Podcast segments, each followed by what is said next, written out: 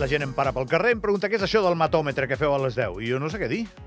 Doncs és un espai per poder repassar tres uh, notícies, tres esdeveniments, tres temes doncs, que ens puguin impactar durant la jornada que els comentem. Mata'm.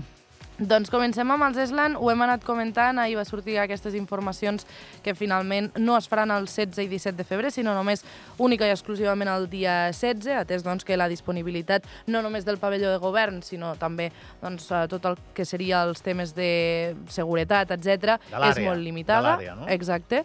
Uh, a banda que, ho dèiem abans, uh, es, es condiciona també el partit del Futbol Club Andorra del dia 17, el dissabte dia 17, per tant, única i exclusivament serà el dia 16 de febrer. De fet, coneixíem aquest matí també que sortia als mitjans de comunicació que Digref i la seva organització paguen més de 10.000 euros de uh, lloguer per al poliesportiu. De fet, l'streamer ha carregat contra el país per no poder fer-ho a la manera que estava previst i aquestes van ser unes de les seves declaracions que va fer durant el directe a Twitch explicant aquesta situació.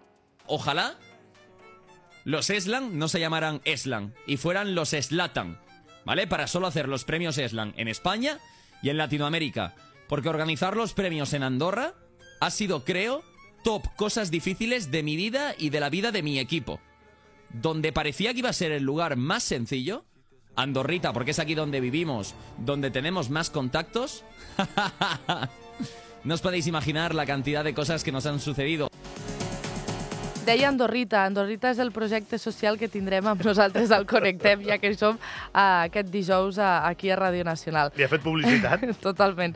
Seguim amb un altre dels temes que Joan Verdú, que publicava aquest dilluns un vídeo al seu canal de YouTube repassant doncs, els millors moments de la temporada. Per tant, aquells que siguin amants de l'esquí i fidels seguidors de l'Andorra, no us podeu perdre aquest resum que s'anomena Best of 2023. I per últim, anem a posar ara una cançoneta així de fons perquè us expliquem una història de vida que és Kat Genís, que és una mare que està morint de càncer i ha tret una cançó per donar-li al seu fill de 7 anys tots els beneficis que entregui. Va fer un vídeo explicant que el càncer l'havia guanyat i que volia fer aquest gest per transmetre la felicitat i alegria que havia volgut durant la seva lluita del càncer, contra el càncer de, de pulmó. De fet, demanava als seus seguidors que utilitzessin aquesta cançó.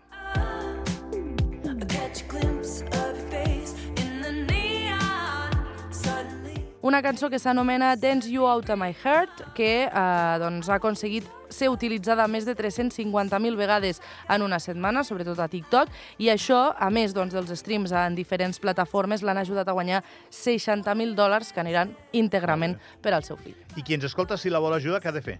Doncs utilitzar aquesta cançó, Dance You Out of My Heart, eh, justament en diferents eh, plataformes, com podria ser fent balls de TikTok o altres. Molt bé. Gràcies, Anna. Fins ara. El matòmetre.